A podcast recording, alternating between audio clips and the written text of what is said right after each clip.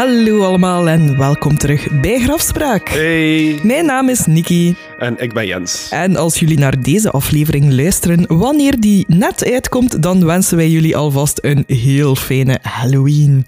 Ja, inderdaad. Ehm, ja, deze aflevering komt uit in het weekend van mijn verjaardag en de dag daarna is het Halloween. Ja, dus, Dus, eh, laat ons nu al zeggen, proficiat Jens. Alle feestelijkheden op één. Yay.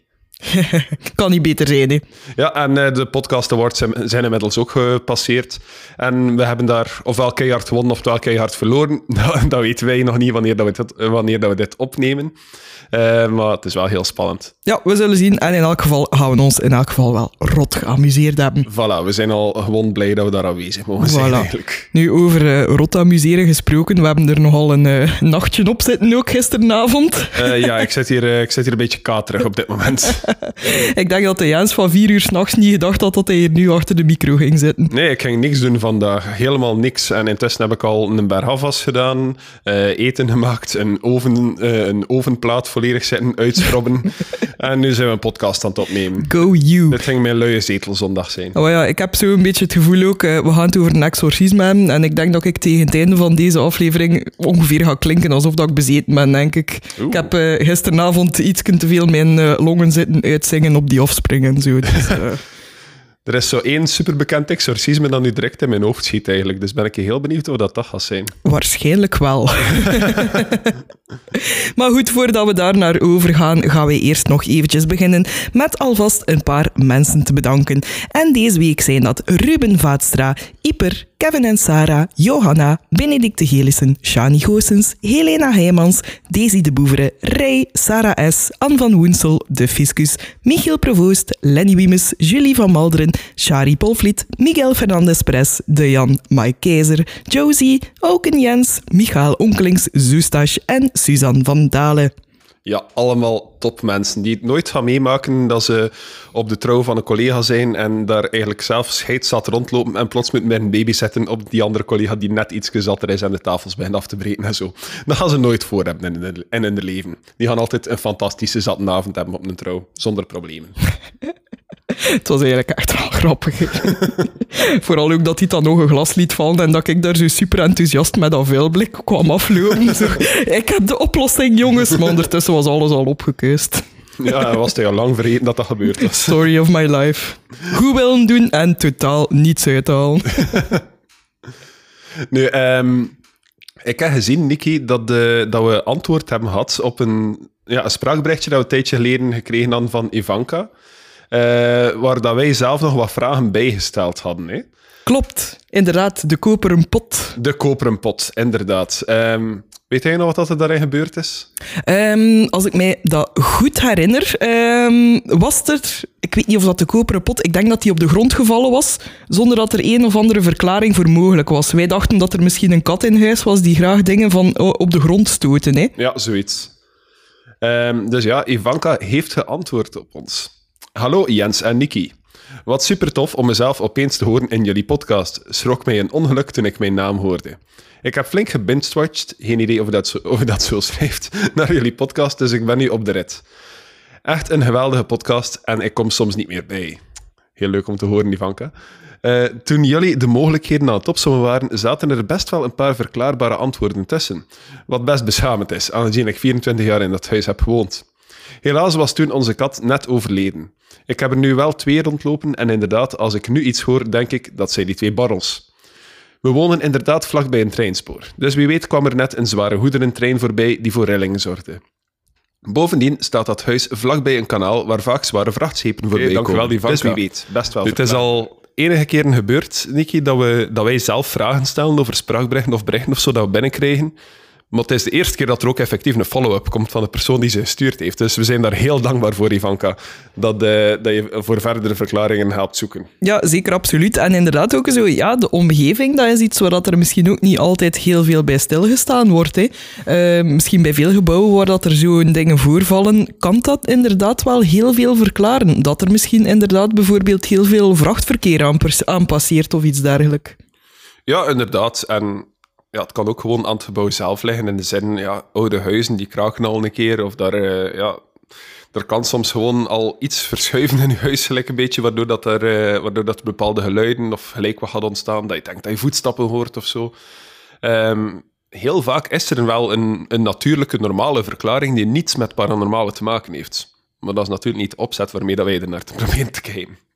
Inderdaad, soms kan niet anders dan dat spoken zijn. Wat ook het geval kan zijn in het volgende verhaal, want we hebben nog een audioberichtje dat we jullie ook graag zouden laten horen. En deze komt van Lien. Dag Jens en Nikki, dit is Lien en ik wil jullie heel graag een verhaal vertellen dat mijn oma nog aan mij heeft verteld. Het verhaal gaat eigenlijk over mijn oma, haar nicht, die destijds met haar man en haar toen nog twee heel erg jonge kinderen naar Kortrijk waren verhuisd omdat ze daar toen een redelijk oud huis hadden gekocht. Het is misschien wel heel belangrijk om op voorhand al te zeggen dat volgens mijn oma haar nicht absoluut niet in het paranormale geloofde. Zij was daar heel erg nuchter in. Uh, en het is eigenlijk daarom dat dit verhaal zo bijzonder is. Want blijkbaar uh, zouden mijn, de, de nicht van mijn oma en haar man s'nachts voetstappen in hun huis horen. En in het begin zochten zij daar eigenlijk helemaal niets achter, want ze dachten, ja, dat is een oud huis, we hebben hier houten vloeren, dus door de hitte of door een briesje of, uh, zal die vloer waarschijnlijk beginnen kraken en dat lijkt dan op voetstappen. Dus ze zochten daar echt helemaal niets achter. Maar een beetje later begonnen de kinderen vanuit hun slaapkamer, want de kinderen die sliepen toen nog samen in één kamer, naar hun ouders te roepen. En als de ouders dan bij de kinderen uh, in hun slaapkamer kwamen, dan beweerden die kinderen dat ze een vrouw in hun slaapkamer zagen. Nu opnieuw, zij zochten daar helemaal niets achter. Dat waren hele jonge kinderen, dus zij dachten die zullen waarschijnlijk een schaduw van het een of het ander hebben gezien. Die zullen elkaar bang hebben gemaakt en dat heeft er dan voor gezorgd dat ze in paniek waren. Maar dat begon steeds opnieuw en opnieuw en opnieuw te gebeuren. Dat was bijna elke nacht blijkbaar dat de ouders eerst voetstappen in hun huis hoorden en dat ietsjes later die kinderen om hun ouders begonnen te roepen omdat ze beweerden dat er een vrouw in hun slaapkamer was. En doordat dat steeds opnieuw gebeurde, begon de nicht van mijn oma nu toch wel nerveus te worden. En zij was dus naar het stadsarchief gegaan om eens te kijken of dat ze nu eigenlijk iets kon vinden van haar huis, dat dat kon verklaren. En effectief, uh, in dat archief had ze dan gevonden dat er iemand was overleden in dat huis, blijkbaar op een redelijk gewelddadige manier. Maar het probleem was, de persoon die daar was overleden, dat was een man. Dus er was helemaal geen logische verklaring waarom dat die kinderen altijd beweerden dat er een vrouw in hun slaapkamer was. Nu, uh, ja, dat bleef maar verder gaan. Dat was opnieuw steeds bijna iedere nacht dat die kinderen naar hun ouders begonnen te roepen, omdat ze dus die vrouw daar zagen. En op de duur hadden zij dus effectief een medium ingehuurd, omdat ze iets hadden van, ja, we beginnen daar hier wel moeten worden, dat die kinderen hier altijd beweren dat er iets is. Um, en die medium die was dus effectief dan naar hun huis gekomen. En volgens uh, haar zou dat dus effectief een entiteit in hun huis zijn geweest. Sterker nog, volgens de medium zou het zelfs om een kwaadaardige entiteit zijn gegaan. Die medium zou zich blijkbaar echt niet op haar gemak hebben gevoeld in dat huis. En die had ook besloten om meteen een reiniging in het huis uh, te doen. En het gekke is dus dat na die reiniging de nicht van mijn oma en haar man geen voetstappen meer hoorden. Ze hebben nooit meer voetstappen in het huis gehoord. En ook die kinderen die hebben nooit meer een vrouw in hun slaapkamer gezien. Nu, toen de nicht van mijn oma dat dan later aan haar vertelde, uh, was mijn oma met de conclusie gekomen, of toch met de theorie, dat er waarschijnlijk ooit een vrouw was overleden in dat huis en dat zij eigenlijk daar was om die kinderen te beschermen. Volgens haar zouden de voetstappen waarschijnlijk uh, de voetstappen zijn geweest van die man die daar was overleden, of toch alleszins van de kwade entiteit, die onderweg was naar de slaapkamer van die twee kinderen. En die vrouw die zou er dan altijd zijn geweest om te voorkomen dat die entiteit die slaapkamer binnenkwam en dus die kinderen eigenlijk kwaad zou doen. Nu, zelf weet ik niet goed wat ik ervan moet denken. Ik ben redelijk sceptisch als het om dat soort zaken gaat. Maar ik vond het wel een heel erg interessant verhaal en dacht dat jullie het ook wel graag zouden horen. Oké, okay, Lien, dank je wel om te delen. Zeg eens, Jens, wat zijn uw uh, bedenkingen daarbij? Het klinkt eigenlijk als, als een plot van een film, maar samengevat in vier minuten. Zo kan je de scènes voorstellen. Eerst ze gaan kijken naar, uh, naar het stadsarchief. Ze vinden daar, oh my god, er is een weldadige dood gestorven, da, da, da. Um, Nu, dat, dat is een soort verhaal dat we... eh, We hebben met Graspraak eigenlijk ook al gelijkaardige dingen besproken. Eh, denk dan bijvoorbeeld aan Sally House. Ehm, het, het komt geloofwaardig over. Er is één theorie dat we wel nog niet bekeken hebben daarin. Want oké, er was daar een man gestorven, de entiteit was een vrouw. Hoever dat die vrouw dat geraakt is, dat weten we niet. Maar de dag van vandaag ehm, zijn we er ook alsmaar bewuster van dat, er, eh, dat veel mensen doorheen hun leven toch kiezen om, eh, om een transitie te doen, omdat ze het gevoel hebben dat ze niet in hun juiste lichaam zitten. Hè? Ja. En we weten te weinig over, over het hiernamaals om te weten van zitten we vast in ons eigen lichaam of kunnen we kiezen op dat punt. Oh my god, dat zou te max zijn. Misschien... Pimp, misschien pimp your ghost. Jawel. misschien was dat de geest van die persoon die door het leven ging als een man, maar wou die misschien geen man zijn. Oh, dat zou echt de max zijn, hè. als je echt gewoon kunt kiezen hoe dat je eruit ziet in het hiernamaals. Ja, Een beetje gelijk je eigen D&D-karakter maken, maar dan niet, niet levend, maar semi-levend. Wat zou hij doen, Nicky? Ik zou, ik zou persoonlijk 20 centimeter groter willen zijn. Oh my god, ik weet niet. Ik denk dat ik gewoon een, een kat zou zijn of zo. Maar dan is zo'n coole kat, hè. Zo, Een coole kat, ja. Ja, coole kat met zo Geen domme kat. een zotte outfit aan. Misschien zo'n wizard hat of zo. Fuck it. Oké, maar eh, echt, dankjewel, Lien. Ehm, persoonlijk vind ik, eh, vind ik het een van eh, de leukste voice messages dat we gehad hebben. Ja, zeker. En Een van de aangezien... verhalen, toch? Absoluut. En aangezien dat het ja, binnen uw familie zich afspeelt, vraag ik mij af, heb je misschien nog contact met de twee kinderen die waarschijnlijk dan nu jullie goh, achter mm, onkels, tantes, I Familie. guess, zijn? Ze zijn familie. Anders moet je maar een keer horen of dat die zich nog iets herinneren daarvan. Hè. Kan misschien leuk zijn om daar ook nog een keer een follow-up over te doen dan. Maar in elk geval, heel erg bedankt. En als jij zelf ook nog berichtjes hebt, kan je dat altijd sturen via een voice message naar graspraak.be of je kan het ons in een mailtje doorzenden naar graspraak.gmail.com. Ja, klopt. En wat ik daarnet ook vergeten te vermelden ben, als je ook je naam wil horen in elke Grafspraak-aflevering, ga daarvoor naar patreon.com slash grafspraak. Laat ons dan bij deze overgaan naar de orde van de dag. Hè. Ehm, je hebt al een paar keer proberen raden, Jens, over Ik wat heb het nog zou... niet proberen raden. Maar nee, wil ik zeggen, je hebt al een paar keer gevraagd of dat je mocht proberen raden, ik zal het zo zeggen. Eh, dus allee, ja, aangezien dat we nu eindelijk aan het opnemen zijn, zal ik het u nu toch een keer toelaten. Hè. Ik heb daar juist per ongeluk al mijn case even opengeklikt, dus hopelijk heb je niet gespiekt op dat Ik heb moment. niet gespiekt op dat moment, nee. Eh, maar heb je wel al gezegd dat er... Of ah toen ik u een paar dagen geleden vroeg van is het dat er een film over gemaakt is, dan wou je niet antwoorden, wat dat dus een Ja. ja, was. Eh, ik weet dat er, eh, dat er twee superbekende exorcismfilms zijn. Eh, of toch over Amerikaanse exorcismes. En natuurlijk The Exorcist. En The Exorcism of Emily Rose. En ik weet dat The Exorcism of Emily Rose dat dat eigenlijk gebaseerd is op het verhaal van Annelies Mitchell. Had het over haar gehad? Het gaat over haar, maar eh, we gaan het eh, Anneliese Michel noemen, want het is eh, in Duitsland gebeurd. Oké. Annelies We Mitchell. gaan, we gaan het niet veramerikaniseren. Annelies klinkt als mij al. Mitchell. Nee, nee. Annelies Mitchell. Ja, sorry. Al, al dat ik weet over haar komt uit Amerikaanse bronnen. Ik heb veel podcasts beluisterd, allemaal Engelstalige. En ja, ik heb inderdaad heel veel Annelies Michael, Mikkel moeten horen. Anneliese Michel. Annelies Michel. Oké. We gaan dus naar Duitsland. En eh, we gaan inderdaad naar de ja, allereerste exorcismezaak dat we eh, in Graspraak gaan bespreken. Hè. Ja, ik ben echt wel in een rabbit hole beland, hè, want ik heb echt effectief zo het hele... Allee, niet het volledige, maar zo het Rituale Romanum, wat dat basically de exorcisme-bijbel is, heb ik zo de, de, de do's en don'ts zitten bekijken en zo. En honestly, dat is echt iets waarvan dat ik wel voor een aflevering ook wel een keer veel dieper zou willen op ingaan. Ehm, maar ik wou het een beetje beperken nu tot de case ter zake. Ja, nu, allee, beperken, ik heb wel twee boeken gelezen hier, maar...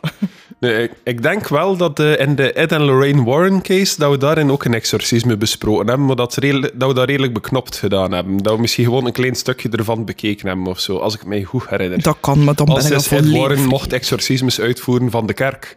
En hij heeft er ook een paar uitgevoerd. En eh, ik, ik denk een... ehm, hoe noem het weer? Dat superbekende huis waar dat de Conjuring ook op, gebaseerd is. Ah ja, de Perron House. Ja. Maar ja, ik weet even niet hoe dat... Ik denk in de Perron House dat ze daar ook een exorcisme geprobeerd hadden, maar dat alles precies erger geworden is en dat ze buiten gegooid zijn, als ik me juist herinner. Wel, ja, laat ons zeggen dat dit exorcisme ook niet echt een, een heel goed verloop kent. Anneliese Michel heeft maar liefst 67 exorcisme-sessies ondergaan. Oké. Ja. Dus eh, bijna zoveel als dat er graspraakafleveringen zijn op dit punt. Wel.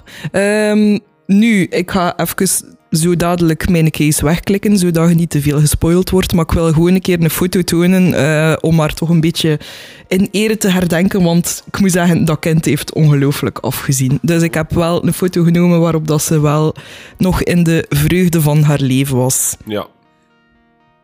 Oké, ja, dat ziet er een, een knappe jonge dame uit.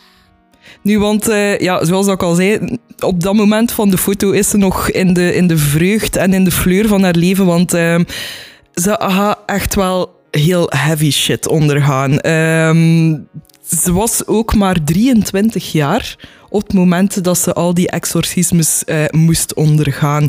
Ehm, nu, voor deze research heb ik mij gebaseerd op eh, twee boeken. Enerzijds How About Demons, Possession and Exorcism in the Modern World van Felicitas D. Goodman. Eh, dat was een antropologe die toegang kreeg tot maar liefst 72 eh, opnames. Want, misschien weet jij dat Jens, ehm, de meeste van die sessies zijn ook op audio opgenomen. Eh, wel, nu weet ik dat vooral omdat hij mij gezegd heeft dat hij naar heel veel exorcisme-sessies aan moet luisteren voor deze case. maar ik wou nog niet te veel spoilen. Ik heb veel ook kijken gebruikt, maar er zijn geen beelden. ja. Het is enkel audio. Ehm, nu, Dan kan het naar audio kijken, nu dat de balksgras aan het verplaatsen is. nu, het is wel zo. ehm, ja, het is eigenlijk een beetje vreemd langs de kant, want er is één volledige sessie die echt nog volledig ook te beluisteren is. En die staat gewoon op YouTube ook. Wat dan langs de kant eigenlijk een beetje vreemd is, want je zou niet verwachten van de kerk dat die daar zo die dingen toelaten om gewoon open en bloot op het internet te blijven zweven. nu, ehm, al, die, al die sessies zijn dan ook in Duits, wellicht. Eh, ja, maar ehm, we gaan dus ook tijdens deze aflevering uiteraard een stuk beluisteren. Ik ga het er uiteraard niet volledig in steken, want het is, het is iets van een 100 minuten in totaal. Maar eh, er is één kanaal die echt wel de moeite heeft gedaan. Nu, ik ga wel zeggen, er zitten wel een paar foutjes in en zo, maar eh, dat hij wel de tekst erin zet, ehm, zowel in Duits als met de Engelse vertaling erbij. En eh, er staat online, is er ook een pdf te vinden, ehm, waar dat eigenlijk de transcriptie ook volledig in het Engels uitgeschreven staat Oké. Toch van die ene bepaalde sessie. Een van de ja, 67 dus. Ehm, nu, het tweede boek dat ik ook heb eh, doornomen is Lessons Learned, de Annelies Michel Exorcism.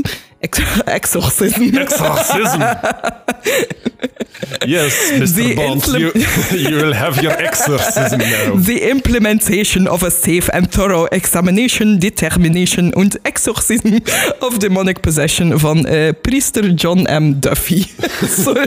Ik ga hier echt nog een paar keer in, in half Duits ervallen, denk ik. Annelies Michel wordt geboren op 21 september 1952. We zijn Duitsland, dus we bevinden ons nog in de nasleep van de Tweede Wereldoorlog. Eh, ze brengt haar jeugd door in Klingenberg, waar haar vader werkt in de plaatselijke houtzagerij. En eh, ja, ook hij was een van de Wereldoorlog II-veteranen. Nu, Anneliese groeide op in een ja, uiterst streng katholiek gezin, zou ik maar zeggen. Ehm, door de oorlog was haar vader eh, behoorlijk emotioneel afgesloten. En moeder Anna was ehm, enorm religieus, maar ook heel strikt en heel controlerend over alles wat de kinderen deden.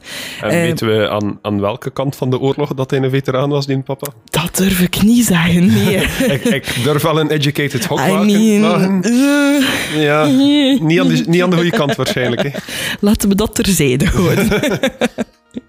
nu, ehm, Anna en haar eh, zussen eh, mochten eigenlijk niet omgaan met jongens, of ze mochten zelfs niet op bezoek gaan bij vriendinnen die bijvoorbeeld een broer thuis hadden. Ze mochten ook op geen enkele manier iets van een buitenschoolse activiteit doen of zich op een of andere manier creatief of persoonlijk ontplooien. Ze mochten zelfs niet naar eh, bijvoorbeeld een schoolbal gaan. Nu, buiten dat was Anneliese zelf wel een vrolijk kind. En uh, ja, volgens haar moeder was ze altijd wel heel opgewekt, zong ze graag en stond ze altijd klaar om mensen te helpen. En iedereen die over haar zou spreken, die herinnert zich ook wel een heel lief kind. En uh, zou ook een heel goede student geweest zijn die toevallig ook uitblonk in uh, Latijn. Oké. Kan altijd handig zijn als je bezeten wordt. Nu, rond haar zestiende verjaardag zou Anneliese wel plots een uh, blackout krijgen op school. Um, S'avonds zou ze daarop ook een aanval krijgen, um, ja, dat ze eigenlijk een soort van stuiptrekkingen begint te krijgen, wanneer dat ze in haar bed ligt. Er had toch een jongen met haar gesproken. Ja, hoe durft hij zeg? Nu, uh, ze had het gevoel toen dat ze in bed lag en dat ze die aanval kreeg, alsof dat er een grote kracht op haar neerkwam en haar zo vastgepind hield in haar bed. Oh, dat kan ik. Ja. Dat, uh, dat doet wel een belletje rinkelen. Hè? Een klein belletje. Een klein belletje. Een klein belletje met een zwart hoedje. Ja. Nu, de aanval zou dus zo'n 15 minuten duren, eh, waarbij dat ze onder andere op haar tong zou beten en helaas ook in haar bed plassen. Nu, ja, omdat haar opvoeding zodanig strikt was, had ze eerst ongelooflijk veel schrik om daarvoor naar buiten te komen. Dus ze had s'nachts eerst in alle stilte haar bedlaken ververst. En ze zou het dan uiteindelijk wel de volgende ochtend durven uh, vertellen aan haar moeder. Nu... Anneliese Milhouse. We were having a sleepover and a robber came and wet my bed. Nu, een jaar ging voorbij zonder dat er zich eigenlijk enige andere problemen voordeden, eh, totdat ze terug een soortgelijke aanval kreeg in augustus van 1969. Na deze aanval zou Anneliese wel doorverwezen worden door de huisarts um, en zou het gezin naar een neuroloog trekken om toch een keer verder te onderzoeken. Dat zou zijn in het uh, naburige Aschaffenburg. Mag ik al uh, mijn, mijn eerste theorie stellen? Zeker. Dus Anneliese sprak Latijn, maar wie weet babbelde ze ook in haar slaap. En wie weet wat dat ze daar gezegd heeft en daar gesummend heeft. Zonder in haar slaap aan het babbelen te zijn. Stel u voor, in plaats van slaapwandelen, slaapsummenen. Dat is exact waarom dat ik mijn best niet deed in school vroeger. Anders moest ik Latijn studeren en zat ik hier misschien ook vervloekt met een of het ander. Een dode taal moet je dood laten. Goed. Na een uh, aantal Goed. Sorry. Moving on. Goed. Nu, eh, na... Ik zeg niet eens iets. Ik weet goed. Goed.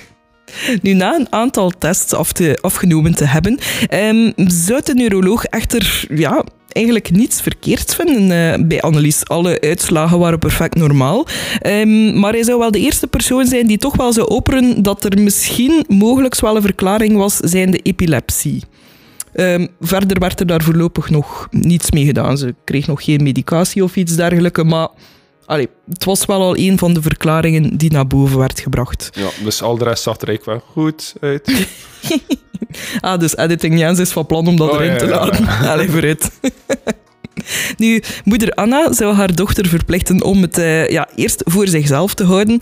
Want ja, je kent dat, strikte moeders die willen natuurlijk ook niet... eh, goh, stel je voor wat aan de mensen denken, dat mijn dochter hier epilepsie heeft. Ja, wat, wat zouden ze zeggen in het dorp?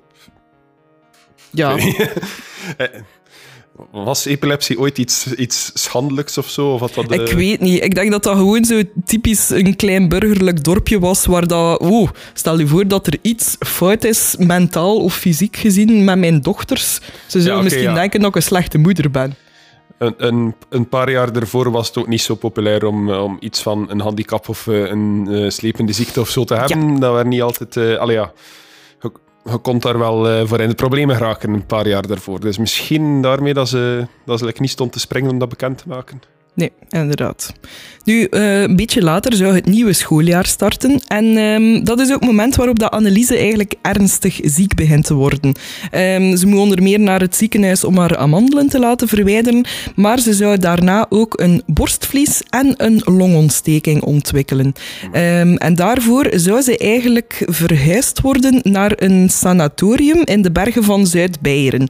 Dat blijkbaar gespecialiseerd was in eh, longaandoeningen. Nu, Anneliese kon zich daar eigenlijk moeilijk aarden. Want ja, totdat ze naar daar verhuisde, had ze eigenlijk altijd geleefd in een, ja, in een huis waar dat alles dat ze deed werd gecontroleerd. En eh, ze kon zich dus heel moeilijk vinden in een nieuwe omgeving waar dat, ja, andere mensen waren en waar dat er ook veel andere regels waren. Ze kon dus daardoor ook heel moeilijk vrienden maken met haar leeftijdsgenoten. Ja, het zaten waarschijnlijk ook wel mannen en ze van heel haar leven nog niet met een man die niet haar vader was mogen spreken. Dus misschien ook daarmee. Dat zou wel heel goed kunnen. Ja, en als uw enige man in uw leven dan ook nog een keer iemand is dat volledig emotioneel afgesloten is, terwijl dat u nu terechtkomt in een omgeving met mensen die u willen helpen, denk dat dat echt in uw hoofd kortsluiting geeft. Ja, waarschijnlijk wel. Nu, we zijn een klein beetje kort door de bocht natuurlijk wat dat die vader betreft, maar allee, ja, hoort dat wel vaker dat er niet zo echt eh, heel veel psychologische opvang is voor mensen die in een oorlog gaan moeten vechten of zo. Dat die gewoon een applausje krijgen bij terugkeer en dan aan hun lot overgelaten worden. En zeker in die tijd zal dat nog wel het geval geweest zijn. Ja, ja, het is waar. Maar ja, het is natuurlijk ook wel zo van... Je hebt nog altijd kinderen waar dat ook wel een beetje een vader voor moet zijn. Allee, ja, Ja, ja, tuurlijk. Maar allee, ja, als je bepaalde dingen hebt meegemaakt, zijn je misschien gewoon niet meer in staat om Nee, dat op een goede manier dat te doen. waar. Of denkt je gewoon op een heel andere manier. Allee, ja, ik kan me voorstellen dat ze daar echt midden in een oorlog gezeten hebt, dat echt wel dingen hebt gezien of zelf hebben moeten doen. Dat, I guess, ja. ja, tuurlijk. Maar laat ons nu al stellen dat de grote boodschap op het einde van heel dit verhaal gaat zijn van geef meer mentale ondersteuning aan mensen. Ik denk dat, we het, dat, we- dat dit al sowieso de overkoepelende dingen kan worden. Oké, oké. Grote voorstander van. Nu, eh Anneliese werd dus in het sanatorium eh, meer en meer somber en teruggetrokken. Ehm, omdat ook de bezoeken van haar familie zelf eh, waren behoorlijk zeldzaam. In juni van 1970 eh, zit ze nog altijd in het sanatorium en krijgt ze ook weer opnieuw een aanval. Ehm, zoals steeds gaat ze hier ook eh, in haar bed plassen en dergelijke. En dat leidt natuurlijk ook nog tot eh, meer pesterijen van haar leeftijdsgenoten. Nu, ehm, ze zou terug onderzocht worden en ja, alles blijkt nog steeds normaal te zijn. Ehm, er wordt veel gesproken over dat ze ook regelmatig een EEG krijgt en zo. Nu, Jens, je hebt daar meer verstand van dan dat ik heb. Kun jij keer uitleggen wat er daarmee gemeten wordt? Eh, ja, dat is basically gewoon je hersenactiviteit. Dat ze daarmee meten. Ehm, dat is met allemaal elektroden dat ze, dat ze op je plaatsen. En ze meten gewoon... eh, ik, denk, ik denk dat ze zowel je hersenactiviteit als de geleiding van je zenuwen eigenlijk kunnen meten. Of dat er ergens een blokkade zit of zo. Maar don't quote me on that, want die cursus is twee jaar geleden. Ehm als is je hersenen en ik denk je zenuwstelsel. Wel, ja, whatever. Gewoon, in het algemeen eh, zijn alle resultaten terug normaal. Ja, Ik zal het zo al zeggen. Ehm, kort na deze onderzoeken eh, zou Anneliese's toestand eigenlijk nog beginnen verergeren. Ze zou eigenlijk kort, op het, kort na het opstarten van die eh, medicatie en na dus haar vorige aanval, zou ze haar eerste visioenen beginnen krijgen. Ze zou allemaal angstaanjagende demonische gezichten voor haar ogen zien dansen. En deze vi- visioenen zouden eigenlijk ook meermaals terugkeren tijdens haar verblijf in het sanatorium.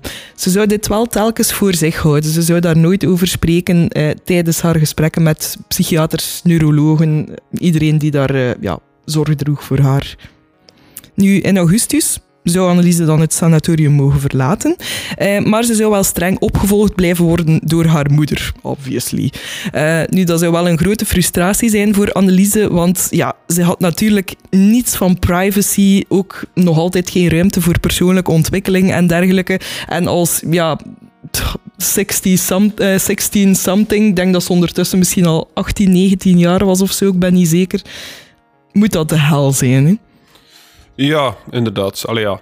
bij, bij ons thuis was er ook niet altijd evenveel respect voor privacy, moet ik zeggen. En eh, eh, ja, ik kan me herinneren dat dat voor redelijk wat frustraties zorgde. Zeker. Nu, bij Anneliese was het zo- zo het geval dat eh, ja, wanneer dat ze iets van kwaadheid zou uiten, eh, zou ze gewoon straal genegeerd worden door haar moeder, die dan eigenlijk ehm, ja, op haar manier haar zou negeren onder de vorm van haar rozenkrans te nemen en daarmee zodanig luid zou bidden dat ze eigenlijk Anneliese begon te overstemmen.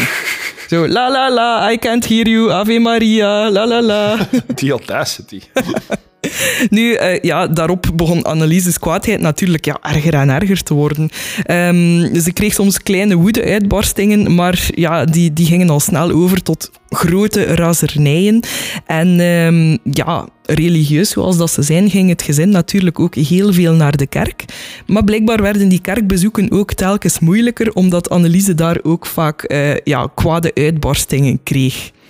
Ja, dus onze volwassen dochter die, die geen rechten, enkel plichten en geen privacy heeft, wordt kwaad. Dus ze is gegarandeerd bezeten. hè. Ja, kan niet anders. Ja.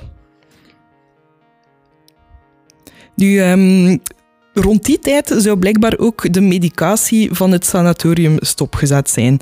En ehm, met de start van het schooljaar voor de deur zou Anneliese blijkbaar terug een aanval gekregen hebben ook. Nu, er worden andere specialisten bijgehaald en zo wordt er wel ontdekt dat ze problemen heeft met eh, de bloedsomloop, maar ehm, er wordt hier eigenlijk niets van hulp bijgeboden. Eh, ze zou echter wel nieuwe epilepsie-medicatie voorgeschreven krijgen. Oké, dus toch iets. Nu, ehm, hoe verder dat de tijd vorderde, hoe meer dat Anneliese ook wel meer apathisch en depressief begon te worden. Ehm, ze zou ook verschillende malen ehm, ja, last gehad hebben van absences, waarbij dat ze eigenlijk het volledige bewustzijn ook zou verliezen. Ehm, dus ze, ze heeft wel degelijk epilepsie dus. Ze heeft volgens mij wel degelijk epilepsie, ja. Oké, ja, maar ja, met dat je dat juist zei dat die EEG volledig normaal was. Ja, maar dat is het bizarre er dus aan natuurlijk. Hè. Ehm, ik weet natuurlijk ook alleen maar wat ik gelezen heb. Ja. Maar misschien stond dat allemaal nog niet zo 100% op punt in die tijd. Ja, Allee, ik zou het niet kunnen zeggen. ik weet eigenlijk ook niet of dat als, als maar lichte, als maar lichte eh, epileptische aanvallen zijn, of dat je ze buiten de aanval zelf kan opsporen via een EEG. Daar ben ik nu eigenlijk ook niet zeker Ja. van. Oké. Ja, zwart. Het kan nog altijd bezetenheid zijn, hè? Ja, ja, Ja, het kan. Ze had ook het gevoel dat ze niet langer terecht kon bij haar vriendinnen. Want ja, rond die leeftijd zijn ze echt niet bezig met eh, religie en met het moeilijk te hebben, maar denkte alleen maar aan jongens. Dus ja, daar was zij eigenlijk niet echt mee bezig. Ehm, in juni van 1972 kreeg zij dan eigenlijk opnieuw een zeer hevige aanval. En ja, natuurlijk opnieuw onderzoeken. Eh, en ook hier was alles terug normaal. Dus wat was de oplossing? Een exorcisme. Nee, nog nieuwe medicatie. Oké. ja, sorry, ik, ik vroeg me Rustig, af, Jens, rustig. ik vroeg me af wanneer van die 67 exorcismes ging beginnen. Nu, ja, ehm, terug nieuwe medicatie geprobeerd, maar het begon al snel duidelijk te worden dat dat weer niet de oplossing ging zijn. Want eh Anneliese zou terug periodes kennen van plotse algemene stijfheid. En ehm, het zou nu ook beginnen dat ze dingen begon waar te nemen die andere mensen niet konden zien. Ze had natuurlijk nog altijd die visioenen van die demonische gezichten, maar nu zou ze ook ehm, constant een heel doordringende, rotte stank beginnen ruiken. Iets dat andere mensen rondom haar niet konden ruiken. Oké. Nu, ehm, komend uit een katholiek gezin, zou Anneliese ehm, hulp beginnen zoeken in religieuze teksten. Eh, ze begon eigenlijk daardoor ook te geloven dat wat zij aan het doormaken was, dat dat eigenlijk deel was van een groter doel. Dat zij ja, eigenlijk een soort van martelares was. Dat ze dacht dat al haar lijden dat ze nu aan het ondergaan was, dat dat uiteindelijk ook naar ja, iets groter zou beginnen leiden. Eh, hebben ze ooit medicatie tegen schizofrenie geprobeerd bij haar? Dat is een heel goede vraag. Ik denk dat dat misschien wel de oplossing had kunnen zijn. Nu, ehm, desondanks alles, eh, en dat zij, zich, dat zij dus ook de toevlucht zocht in de religie, zou haar moeder blijkbaar wel opgemerkt hebben, bijvoorbeeld eh, in de living, dat telkens wanneer dat Anneliese passeerde aan een beeld van Maria in de woonkamer, dat ze haar handen zou beginnen klauwen, een beetje gelijk zo'n een voorovergebogen T-rex, en dat ze, zo, dat ze haar ogen zo pikdonker begonnen te worden, en dat ze echt zo gelijk zo... Zegt what we do in the shadows. Ja. Nu, ehm, het gezin zou dan ook op reis gaan naar eh, San Damiano in Italië. En eh, ja, gelovig zoals dat ze zijn, zouden ze daar blijkbaar een schrijn willen, bezo- be- willen bezoeken hebben, gewijd aan Maria. Nu, het bezoek zou echter eindigen in mineur, wanneer Anneliese stopt voor de ingang van het schrijn. eh, en waarbij dat ze jammert dat, dat ze zodanig veel pijn heeft, omdat de grond onder haar voeten bloedheet begint aan te voelen. Dat is Ehm, echt wel schrijnend. Oké, podcast gedaan. We stoppen ermee. Nu, ehm, ze zou haar blik blijkbaar ook moeten afwenden hebben, omdat ze ook het, het- de aanblik van een schilderij van Jezus niet aankon. Ah, it burns. Ik stel me echt zo voor dat ze haar cape zo over haar moest. Zei, I'm melting. Nu, op de bus Ik tijdens smelt, ik smelt. Op de bus eh, tijdens de terugrit zou Anneliese ook een eh, rozenkrans kapot trekken. Ze zou een medaillon lostrekken van de kleren van de toergids. En ze zou beginnen praten in een diepe, onnatuurlijke mannenstem.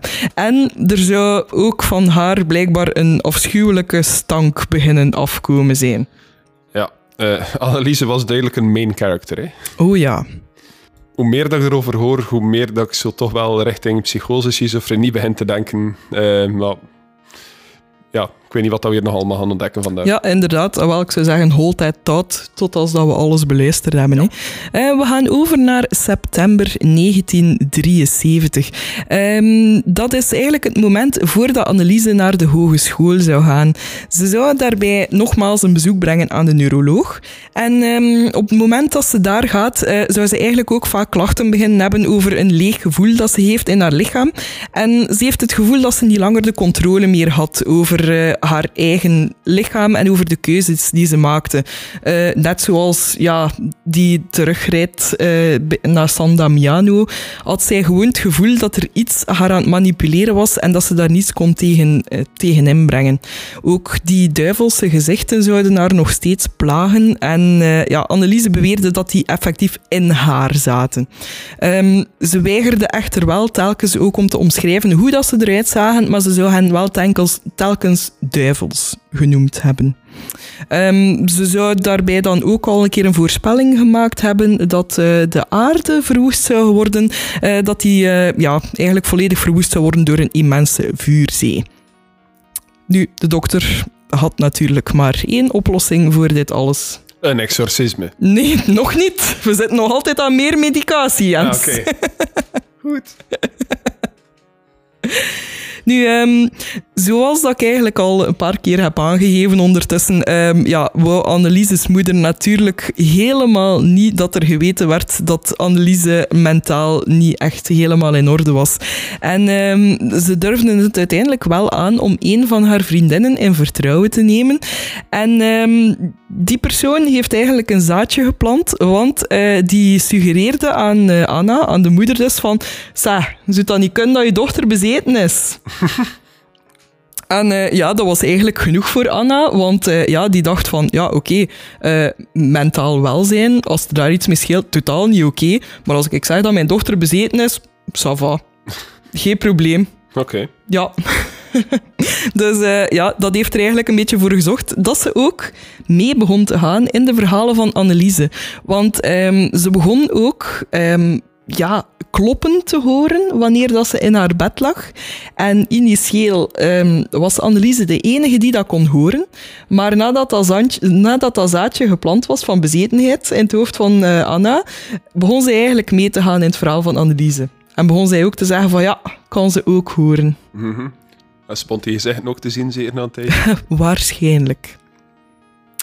Nu, dat is dus het moment waarop dat we beginnen met de eerste stappen om te vragen voor een exorcisme. Het gezin begint ontelbaar veel brieven te schrijven aan verschillende priesters om, hen, om hun hulp te vragen. Ehm, sommigen gaven toch nog wel de raad om verder medische hulp te blijven zoeken eh, en anderen ja, bleven hen gewoon doorverwijzen naar andere priesters. Uiteindelijk zou het woord eh, ehm, de oren bereiken van priester Ernst Alt. Hij zou Anneliese verder beginnen opvolgen en ook meermaals ehm, sessies met haar houden waarbij dat ze gewoon samen zitten te bidden. Ehm, maar hij was ook wel een van de eerste die zei dat eh Anneliese een exorcisme zou nodig hebben. Nu, ehm, ja, tot op dit punt zijn we nog niet aan de exorcisme toe. Anneliese blijft gewoon duchtig verder bidden, maar de problemen worden wel erger wanneer dat ze effectief begint aan haar studies aan de hogeschool. Ehm, ze krijgt eerst nog terug een zoveelste onderzoek. Ehm, en nu zou het eigenlijk echt wel zwart op wit bewezen worden dat ze wel degelijk epilepsie heeft. Oké. Goed, maar dat is niet voldoende voor haar omgeving. Ze willen toch wel echt blijven verder bomen op dat exorcisme. Maar ja, eh, epilepsie op zich zou niet alles verklaren, hè, dat, we, dat we tot nu toe al gehoord hebben. Zo, hoe dat Nee, ik, ik denk dat inderdaad zowel epilepsie als een demon in u kunt hebben. Ja, of epilepsie en schizofrenie. Nu, ehm, in deze tijd eh, zou Anneliese ook wel een jongen leren kennen, genaamd Peter. En eh, ja, ja, ja, shame, shame, shame. Nee, maar hij zou wel goed zorg voor haar dragen. Ze zou er een relatie mee krijgen en hij zou eigenlijk ehm, ja, bij haar blijven. Oké. Ja. It's for real. Nu, ehm, naast Peter was eh, het enige waar de Anneliese dus nog iets wat hulp kon in vinden, was dat haar gebeden. Maar het zou niet het zou niet voldoende blijken te zijn, want ze kreeg meer en meer frequente aanvallen, waarbij heel haar gezicht en haar lichaam zouden verkrampen. En ze zou vaak periodes hebben dat ze gewoon moest rondlopen met stokstijve benen die gewoon niet meer... Ja, ze, ze kreeg ze niet meer normaal. Bedoel je dan dat ze niet plooiden of zo? Ja, Of, eh, inderdaad. Ah, ja. Ja, Ehm, ze zou ook ongelooflijk veel aanvallen krijgen, waarbij dat ze alles dat een religieuze bijklank had, dat ze gewoon kapot zou maken. Ze zou bijvoorbeeld rozenkransen kapot trekken, heilige beeldjes op de grond smijten, schilderijen van de muur trekken. En ze zou ook constant lopen schreeuwen met een stem die niet de hare leek te zijn. Ze zou ook nog amper slapen. In de paar uur dat ze nog rust kende, zou ze blijven bidden, maar zou dan terug hervallen in een aanval. Ehm, mensen die in die periode ook het huis bezochten, zouden beweren dat ze het huis bleef rondrennen, constant de trap op en af, en dat ze zo bijna rond zich aan het stampen was, een soort van als een geit, wordt er omschreven. Het zou ook lijken alsof dat ze, ja, zoals dat we al gezegd hadden, eh, dat ze heel weinig controle nog had over haar lichaam. Ehm, ze zou bijvoorbeeld constant op haar knieën gesmeten worden, ehm, dan terug rechtkomen om dan gewoon terug op haar knieën gesmeten worden. Constant, af en aan, zolang tot als haar knieën uiteindelijk volledig begonnen open te liggen, gewoon van ja, constant die harde smak tegen de grond. Ehm, ze zou na zo'n aanval stokstijf worden en dagenlang niet meer kunnen bewegen. Ehm, ze zou ook vaak het gevoel hebben alsof dat heel haar lichaam in brand stond en dat ze gewoon alles begon te doen om verkoeling te zoeken. Zo zou ze bijvoorbeeld in de kelder liggen rondrollen in het kolenstof. Eh, ze zou ook een tijl vullen met ijswater en daarin springen. Ze zou zelfs op een gegeven moment haar hoofd in de kamerpot gestopt hebben. Ze zou de van haar lijf rukken en ja, ze zou uiteindelijk ook proberen te slapen op zolder in het hooi, omdat haar bed gewoon veel te warm was. Ehm, ze zou onder andere ook heel vaak ehm, insecten opgegeten hebben. Ze zou vliegen vangen, spinnen vangen, om die dan op te eten. Eh, ze zou ook kolen in haar mond gestoken hebben. Ze zou ook stenen hebben proberen opeten. Ehm, en ze zou ook eh, ja, veel van haar ondergeplaste onderbroeken in haar mond beginnen nemen. Eh, ze zou ook fysiek heel kwaadaardig beginnen worden naar haar ouders en naar haar vriend toe. Ze zou bijvoorbeeld Peter onder andere een keer in de arm gebeten hebben. Ehm, Ik, ik denk dat ze een kantje van Tarare mee heeft. Ja, dat vlak inderdaad. Ehm, nu, ze zou ook bijvoorbeeld ja, tegen de priesters zou ze ook eh, ongelooflijk venijnig uit de, uit de hoek komen. Eh, tegen een bepaalde priester zou ze geschreven hebben van haal je poten van mijn lijf, ze branden als vuur. Ehm, ja, het was eigenlijk het, op een punt gekomen dat Anneliese alle vat op de realiteit leek verloren te zijn. Ehm, en het leek dat ze ook... eh, met verschillende persoonlijkheden naar buiten leek te komen. Ehm, op momenten dat ze praten, leek het alsof dat ze een andere stem begon te gebruiken eh, en dat ze zich heel anders voordeed. Dus allee, het leek dat ze echt, zoals dat je al een paar keer hebt aangegeven, dat ze toch wel tekenen van schizofrenie begon te vertonen. Eh, ik ga je er even in corrigeren, maar eh, schizofrenie heeft niks met meerdere persoonlijkheden te maken. Dat is disassociëren. Eh, ja, sorry. Schizofrenie Misschien moet ik dan is een keer- heeft met psychoses te maken. Misschien moet ik het dat het anders een common, verwoorden. Nee, het is goed dat je... Het is een common misconception. Er zijn veel mensen die denken, ah, meerdere persoonlijkheden, dat is schizofrenie. Die dingen worden soms synoniem gebruikt, maar dat is niet synoniem. Dat heeft niks met elkaar te maken. Oké. Thank you for clarifying. Ehm, nu, priester Alt wordt terug gecontacteerd. Ehm, die was helaas op vakantie. Eh, dus priester Rodewijk neemt het eventjes over. Ehm, Rodewijk. Rodewijk. Of uh, Rodewijk. Ik vind wel een mooie naam, ja. Rodewijk. Nu, ehm, die eh, priester was al eh, eventjes eh, gecontacteerd geweest eh, daarvoor door het gezin, maar die had toen eigenlijk daar niet echt op gereageerd. Maar nu besliste hij wel eh, om toch een keer een bezoekje te komen brengen. En wanneer dat hij dat doet, treft hij Anneliese aan op de keukenvloer en zou ze in een soort van trance lijken te verkeren. Nu, wanneer dat ze Anneliese eindelijk ehm, ja, hebben kunnen laten neerzetten in de zetel, ehm, begint de Rodewijk eh, haar naam te vragen. En Anneliese antwoordt Judas. Zo, zo. Ze antwoordt dat ook in een veel diepere stem dan dat de hare was. Nu, ehm, hij voert daar een kort gesprek mee. En hoe verder dat hij gaat, hoe meer dat hij merkt dat eh, ze ongelooflijk begint te verkrampen wanneer dat er gesproken wordt over een exorcisme.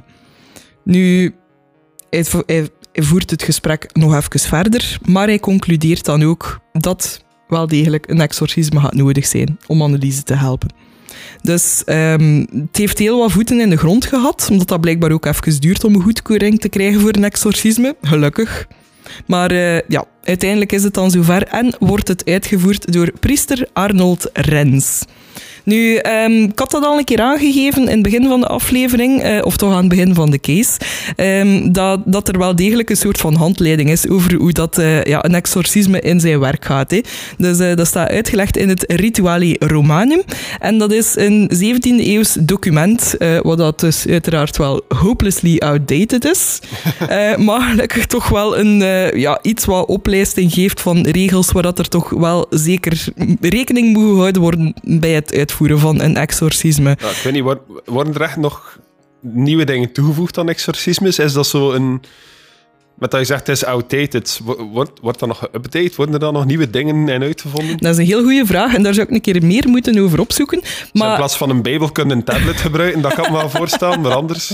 maar ja, maar ik heb het dan eigenlijk meer ook over gewoon het feit dat ja, in die tijd, wanneer dat, dat is uitgekomen, ja, was er eigenlijk nog niet echt veel onderzoek gedaan over wat dat er meer kon zijn dan bezetenheid. Want ja, onderzoek naar mentaal, mentale gezondheid, dat bestond nog niet in die tijd. Laat staan dat er al iets of wat aan hersenonderzoek kon gedaan worden. Ja, oké, fair enough. Allee, ja, wanneer dat je toen een depressie had of het een of het ander, denk ik dat al heel snel de stempel van bezetenheid gegeven werd. Hè. Ja, ja, dat Ja. is mogelijk. Maar allee, ik moet wel zeggen, er is wel, en dat is al direct regel nummer drie in eh, de do's en don'ts van exorcisme, is wel dat er wel staat van dat er eerst wel moet gekeken worden naar of dat er echt niets anders zou kunnen zijn met die persoon voordat er wordt overgegaan op een exorcisme. Maar het is wel duidelijk dat er hier bij Anneliese wel heel snel is overgegaan over de regels. Ja. Maar ja, intussen sleept het toch al enkele jaren aan, hè? Dat verhaal. Wa- dat wel, maar allee, de omgeving waarin dat ze opgroeide, zo priester Rens, priester Alt, dat waren ook wel allemaal mensen die heel Is erg... de Rodewijk? Ja, inderdaad.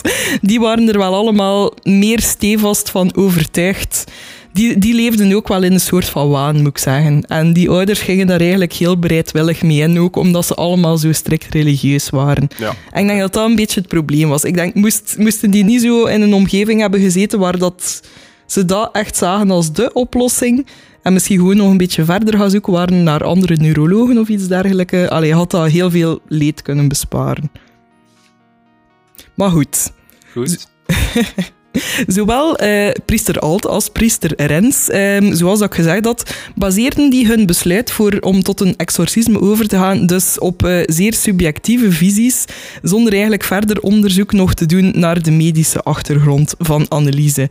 Ehm, het ging zelfs zo ver dat priester Alt van zichzelf geloofde dat hij de gave had om demonen in mensen te zien, als een soort van psychic. Ehm, het zou eigenlijk zelfs uitkomen, ehm, nadat heel het gebeuren van Anneliese gedaan was, zou zijn ehm, conditie zelfs door psychiaters onderzocht geweest zijn. En die zouden hem omschreven hebben als, I quote, eh, I quote, An abnormal personality in the widest sense of the term. Parts of his prehistory, as he reported them, even suggest the presence of a psychosis of the schizophrenia type. Mhm. Dus ja, een speciale mens. Ja, oké. Dus als je al met zo'n mensen aan het dealen bent, is het inderdaad een beetje moeilijk om nog echt eh, ja, een deftige oplossing te bieden, om het zo te zeggen. En ik denk dat dat ook de reden is dat er zodanig veel exorcisme-sessies geweest zijn. Ja, dus ja, 67 exorcismes en dan 67. een happy ending, veronderstel ik. Alles Een- is terug volledig oké met Annelies na die 67 sessies. oh my sweet summer child. Nee, nee. Zoals ik al gezegd heb, dit is de les in meer oog hebben voor mentale gezondheid. Ja. Dus helaas, allee, ja, ik kan zeggen, hoop niet op een happy ending. Ik blijf hopen op Het is een tragisch. Ik, ik denk dat ik begonnen ben met te zeggen dat het een tragisch verhaal is. Ja, ze hadden een mooi leven tegemoet. Oké, Ja. vertel maar verder. Ehm, goed. Goed. Het eerste echte exorcisme van Anneliese vindt plaats op 24 september 1975. En van dit eh, werden de bevindingen eigenlijk enkel nog maar neergeschreven, maar zoals ook al gezegd, dat zijn er ook audio-opnames en die beginnen eigenlijk vanaf de tweede sessie. Nu, ik heb eventjes kort ook ehm, de notities vertaald van de allereerste ehm, sessie. Ik zal u die anders een keer laten voorlezen. Oké. 24 september 1975. Aankomst 16 uur. Exorcisme gestart volgens instructies. Anneliese, het is te zeggen, de demonen zijn bij opstart nog rustig. Anneliese wordt hard doorheen geschud. De demonen reageren agressief op het wijwater. Ze beginnen te schreeuwen en te razen. Anneliese weet alles wat ze zei. Ze is blijkbaar bij volle bewustzijn. Ze wordt neergehouden door drie mannen. Ze probeert links en rechts te bijten. Ze schopt in mijn richting. Eerst zit ze op een stoel, dan een zetel. Ze wordt niet toegelaten om neer te liggen. Ze zegt dat de duivel op haar onderrug zit. Soms schreeuwt ze, vooral als er wijwater over haar gesprenkeld wordt. Soms huilt ze als een hond. Ze, her- ze herhaalt meermaals de zinnen: Stop die shit, jij shit man, jij vuile zeug. Ja, daarin, de vertaling was een beetje moeilijk. Gebruikt dus letterlijk het woord shit? Of ja, scheisse, hè, maar ja, Wat, wat moest ik doen? Jij kakman of zo? Ja, ja. Stop met die kak, stop met die scheid. Je vuile zeug. Wanneer we op het einde samen bidden, wordt ze furieus. De sessie duurt van 16 uur tot 21 uur 30. Nadien zegt ze, je had verder moeten doen. Ondanks dat ze een hele tijd vocht tegen drie mannen die haar neerhielden, zag ze er nadien heel levendig uit. Ik sta me echt voor zo... Ze is klaar met die... eh, dat, dat exorcisme wordt beëindigd, zo na vijf uur en half. En dan liefst dat ze direct recht Ja. springt. Ja, who's up for basketball? Zo haar handen aan het afkuisen van, ja, that's done with. Nee, maar echt... ehm, Misschien moeten we dit opnemen en uitbrengen als podcast vanaf volgende week. Maar ja, volgens dat ik heb gelezen, zijn er echt eh, sessies geweest dat echt tot negen uur aan een stuk zouden geduurd hebben. Ah, ik kan me dat echt niet voorstellen. Dat moet verschrikkelijk geweest zijn. Ah, maar ja, stel je voor dat, dat er zo... Dat je zo negen uur aan een stuk daar in dat bed ligt met mannen die wijwater op je aan het kappen zijn en in het Latijn aan het chanten en zo. En zo halverwege moet je dan nog samen lunchen. Ja, pauze. Eerst even een awkward lunchpauze, waar, dat ze, waar dat zij zo gewoon demonisch rauw vlees aan het opeten is en iedereen kwaad aan het aanstaan is en dan terug naar dat bed moet. Ja, het vreemde daarbij is ook wel, omdat die sessies zodanig lang duren. Ehm, ik heb dat natuurlijk niet uit het audiomateriaal kunnen halen, maar blijkbaar, ja, als er echt zo'n sessie was die negen uur aan een stuk duurt, ehm, je gaat dat straks horen op de tape ook, maar ehm, zij had dus echt een heel rasperige, schreeuwerige stem. Maar het ding was, nergens leek dat enig invloed te hebben op haar stembanden. Zij kon echt negen uur aan een stuk blijven krijsen op datzelfde volume en met dezelfde intensiteit. Dat dat blijkbaar echt wel opmerkelijk was. Ja, Dat dat echt zo... Dat niemand echt wist hoe dat ze dat fysiek kon doen om echt zo te blijven schreeuwen. ja eh, als letterlijk zo negen uur aan een stuk is, ik denk dat eh, je mag er nog, ik weet niet waar op trainen, dat dat gewoon niet mogelijk is. Ja, ik heb een, een, een heel vreemde ehm, theorie daarover gezien, waar dat ik een beetje mijn twijfel bij heb. Maar sommigen zeiden blijkbaar dat ze een soort van... ehm, ja, ehm, een, een extra stemgeluid kon produceren, zoals dat sommige zo boeddhistische monningen of zo konden doen. Zo van die Zo keelzangers keel, zo. keelzanger, ja, inderdaad. Zo dan. Ja, Dat, ja, dat, dat was gelijk Samson dat aan het rochelen was of zo. Goed. Maar goed, ehm, tijdens de weken die... Sorry, ik heb een nieuw stopwoordje. Of een startwoordje eigenlijk. Nu, de weken die daarop volgden, eh, zouden maar liefst zes verschillende demonen hun opwachting maken in de sessies met Anneliese. En die zouden elk hun eigen manier van spreken hebben en elk hun eigen persoonlijkheid. Weet je nog wie dat de eerste was eh, toen dat ze het gesprek had met eh vader Rodewijk? Wie dat de eerste demon Welke was? naam had ze gezegd toen? Ik weet het niet meer. Judas. Ah ja, Judas, ja. Sorry. Ik associeer Judas niet echt met een demon, maar... Ja, dat gaat zoiets ook een belangrijk punt zijn. Het is goed dat je dat aanhaalt. Maar eh, naast Judas ehm, zouden er ook de persoonlijkheden naar boven komen van ehm, priester Fleischmann, die blijkbaar een geëxcommuniceerde priester uit Beieren was, die beschuldigd werd van eh, dronkenschap, aanranding en moord. Ehm, dan zou ze ook nog eh, de Romeinse keizer Nero eh, in zich hebben. Ook eh Kain, bekend van Abel. Ah ja. En Hitler en Lucifer himself. Oké, ja, dus... pretty much heel, alle onderwerpen van de Behind the Bastards podcast. Inderdaad. Zo Nu, Leopold II dat er ook nog ergens tussen zit. Of drie, welke was het niet, of? Darth Vader. Wat, wat was jij aan het zeggen? Sorry, sorry, ik was niet echt aan het luisteren. Ik had mijn woord in mijn oor. Wat? Eh, ik vroeg wel Leopold dat er niet tof was. Ah, eh, ja. Twee of drie. Van... Was er een drie? Ja. Dien van Congo. Dien was niet... Ja, ja, die, inderdaad. Ja. Geen goede mens. Ja. Nu, ehm, ik hoop dat je er klaar voor bent, want we gaan luisteren nu naar een van de audiofragmenten. Oké. Ehm, dus zoals gezegd zijn die voorlopig, want ik weet natuurlijk niet of dat die nog until the end of time op YouTube gaan staan, maar voorlopig is er dus nog één sessie voluit eh, te beluisteren. En zoals ook gezegd had, is er dus één kanaal dat ook een Engelstalige ondertiteling heeft bijgevoegd. Hè. Ehm, ik ga u naar een stukje laten luisteren. Ik denk dat we in de opname misschien een verkorte versie laten horen. Ehm, maar jullie kunnen dat dus allemaal terugvinden als jullie naar grafspraak.be gaan en de casefile gaan bekijken. Eines. Nein, ich sag's nicht.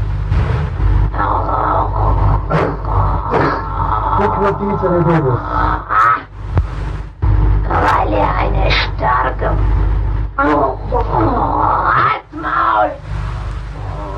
Ja, weil er eine starke Waffe ist.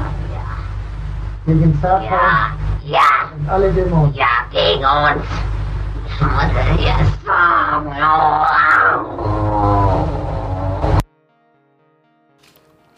Zo, dus dat was al een eh, klein stukje uit eh, ja, de audiotapes van Anneliese Michel. Jens, Ehm, ja, geen fantastische opnamekwaliteit natuurlijk. eh, voor die tijd al, ja. Ik spreek al geen Duits, maar kon er ook heel weinig in onderscheiden. Maar ja, wat dan natuurlijk wel opvallend was, was Annelies haar stemmetje dat een beetje... Allee, ja, minder Samson. easy there, Samson. Ja. ehm, we hebben wel maar één van de stemmen gehoord. Hè. Volgens wat hij vertelde, sprak ze... Hey, had elke, elk, elke demon die in haar zit, had een eigen stem. Ja, Hebben we dat ook nog eens horen? Ja, nee, ehm, ik heb naar de opnames geluisterd en het is wel allemaal... Ja, misschien was dat in andere sessies dat ze dan een andere eh, demon liet spreken. Maar in deze sessie is het dus eigenlijk allemaal... Ja, Ja. die stem. Maar ik weet dus ook niet of dat, dat waar is. Hè. eh, of dat hij effectief met verschillende stemmen praat. We hebben alleen maar deze ene opname en Ja. ja, Maar heb dat dan wel ergens gelezen of zo? Dat Ja. ze- ja, ja. Ja. oké.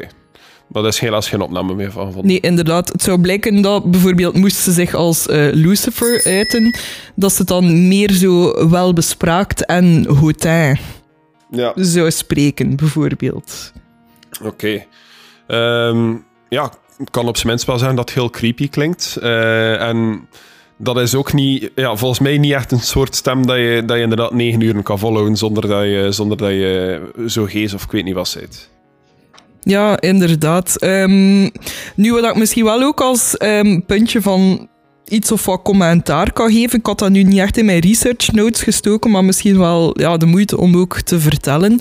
Ehm, hier komt het ook wel voor dat je wel al een hint krijgt van dat er niet echt een, een, een bezetenheid aan te pas komt. Omdat als ze bijvoorbeeld ja, Hitler laat eh, spreken, zou er vooral veel heil, heil, heil uitkomen. En eh, weinig andere info dat echt zou kunnen staven dat dat wel degelijk Hitler is dat eh, ja, haar heeft overgenomen. Ja, en wat, wat dat mij ook wel opviel was wanneer dat in het stukje dat we nu geluisterd hebben, er wordt gevraagd van wie zit er nog allemaal in jou? En zij zo heel vaak eh ertussen. Alsof dat ze moesten nadenken over, eh, over wat dat nu nog een keer zou kunnen zeggen. En wel ja, ik weet niet of dat, dat zozeer een ui was of dat dat echt zo gelijk zo'n... Mm, zo, oh, dat was bijna Marge Simpson. zo meer echt een grom ertussen. Ja, dat zou Maar het kan inderdaad zijn... Maar ik verstond ja. zo echt zo... eh und eh, Nero und Kain. Ja, ja, kan zijn. Misschien ze inderdaad even nadenken en er dan maar een grommeken tussen steken. Ja, nee, het kan zijn dat die mannen ook moeten nadenken. Dat die ook een keer zijn. Nu, halverwege oktober zou Anneliese meer en meer visioenen beginnen krijgen van ook wel goede verschijningen. Want blijkbaar zou eh, Maagd Maria aan haar verschijnen en zouden de kwaadaardige visioenen wel beginnen verminderen. Eh, op 31 oktober van alle dagen zou ze dan ook nog een keer een sessie krijgen en zou het wel lijken alsof dat de demonen één voor één eh, verdreven begonnen te worden. Zie, happy ending. Twee exorcismes, het is opgelost. Nu, ehm, telkens zou het lijken ehm, dat ze een aanval begon te krijgen waarbij dat ze moest eh, beginnen braken. Eh, voor de Nederlandse luisteraars onder ons. Ik had eerst overgeven getypt dat kost begot niet komen op het woord dat het eigenlijk was. Je dat soms ook niet als je een research doet, dat je Ja, zo heel een typisch Vlaams woord gebruikt? Of zo ook wanneer dat je dingen aan het opschrijven bent. eh, en het is een woord dat je dat letterlijk al heel je leven kent, actief gebruikt. Maar dan schrijf je dat neer en ziet die spelling er gewoon om een of andere reden raar uit. Dus bij op te zo van, heb ik dit woord wel juist geschreven? Echt, no shit ook. Mega belachelijk. Ik kon eerst niet op het woord bezetenheid komen, dus ik zat dat constant zo bezet. maar goed, eh, dus het leek dat de demonen één voor één eh, verdreven begonnen worden. Ehm, en na dus die braakaanvallen leek het alsof dat er telkens weer een demon minder in Anneliese zat. Ehm, maar het zou toch nog wel eh, ja, erger beginnen worden wanneer dat ze dan ook nog met een nieuwe demon in haar lijf zou blijken te zitten, ehm, waarvan dat ze eigenlijk de naam niet wou prijsgeven tijdens de sessies. Zo, zo. Ze weigerde dus ja, om alles te beantwoorden. En eh, naarmate dat de laatste sessies begonnen te komen, eh, weigerde ze voor het grote deel ook om nog maar iets te zeggen en begon zo goed als volledig stil te vallen rond februari 1976.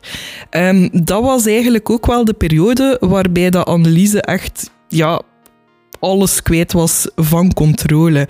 Ehm, en dat is ook wel wanneer dat eigenlijk heel schrijnend en tragisch begint te worden. Eh, want mensen die ooit al een keer eh, foto's hebben opgezocht van eh, de zaak van Anneliese Michel, gaan misschien al gemerkt hebben in welke toestand dat ze de laatste maanden van haar exorcisme-sessies eraan toe was. Er zijn heel beruchte foto's daarvan. Ik heb ze nu bewust niet in mijn case gestoken. Ehm, ik wil ze u misschien wel even tonen, Jens. Ik weet nog niet of dat ik ze in de casefile ga steken. Je kunt ze sowieso online terugvinden, maar het is, het is ja, een beetje... Het is, het is eigenlijk echt wel tragisch. Maar als het echt grafisch heel zware beelden zijn, kunnen ze misschien gewoon een link in de casefile steken en een waarschuwing erbij. Ja. Dus eh, ja, er zijn eigenlijk een Ja. paar foto's die er echt wel uitspringen. Ik ga nu even in deze erbij halen, omdat Ja. ze hier wel heel duidelijk ook blauwe ogen heeft, omdat ze ja, zichzelf ook constant aan het pijnigen was. Ehm, gebroken tanden, omdat ze dus ja, op stenen begon te bijten en dergelijke. En als je kijkt, eh, is ze eigenlijk ook ongelooflijk uitgemergeld. Dat is nog het moeilijkste van al bij de case van eh Anneliese. Want omdat ze zichzelf ook niet meer onder controle had, ehm, was ze eigenlijk ook niet meer in staat om eh, nog te eten. Ehm,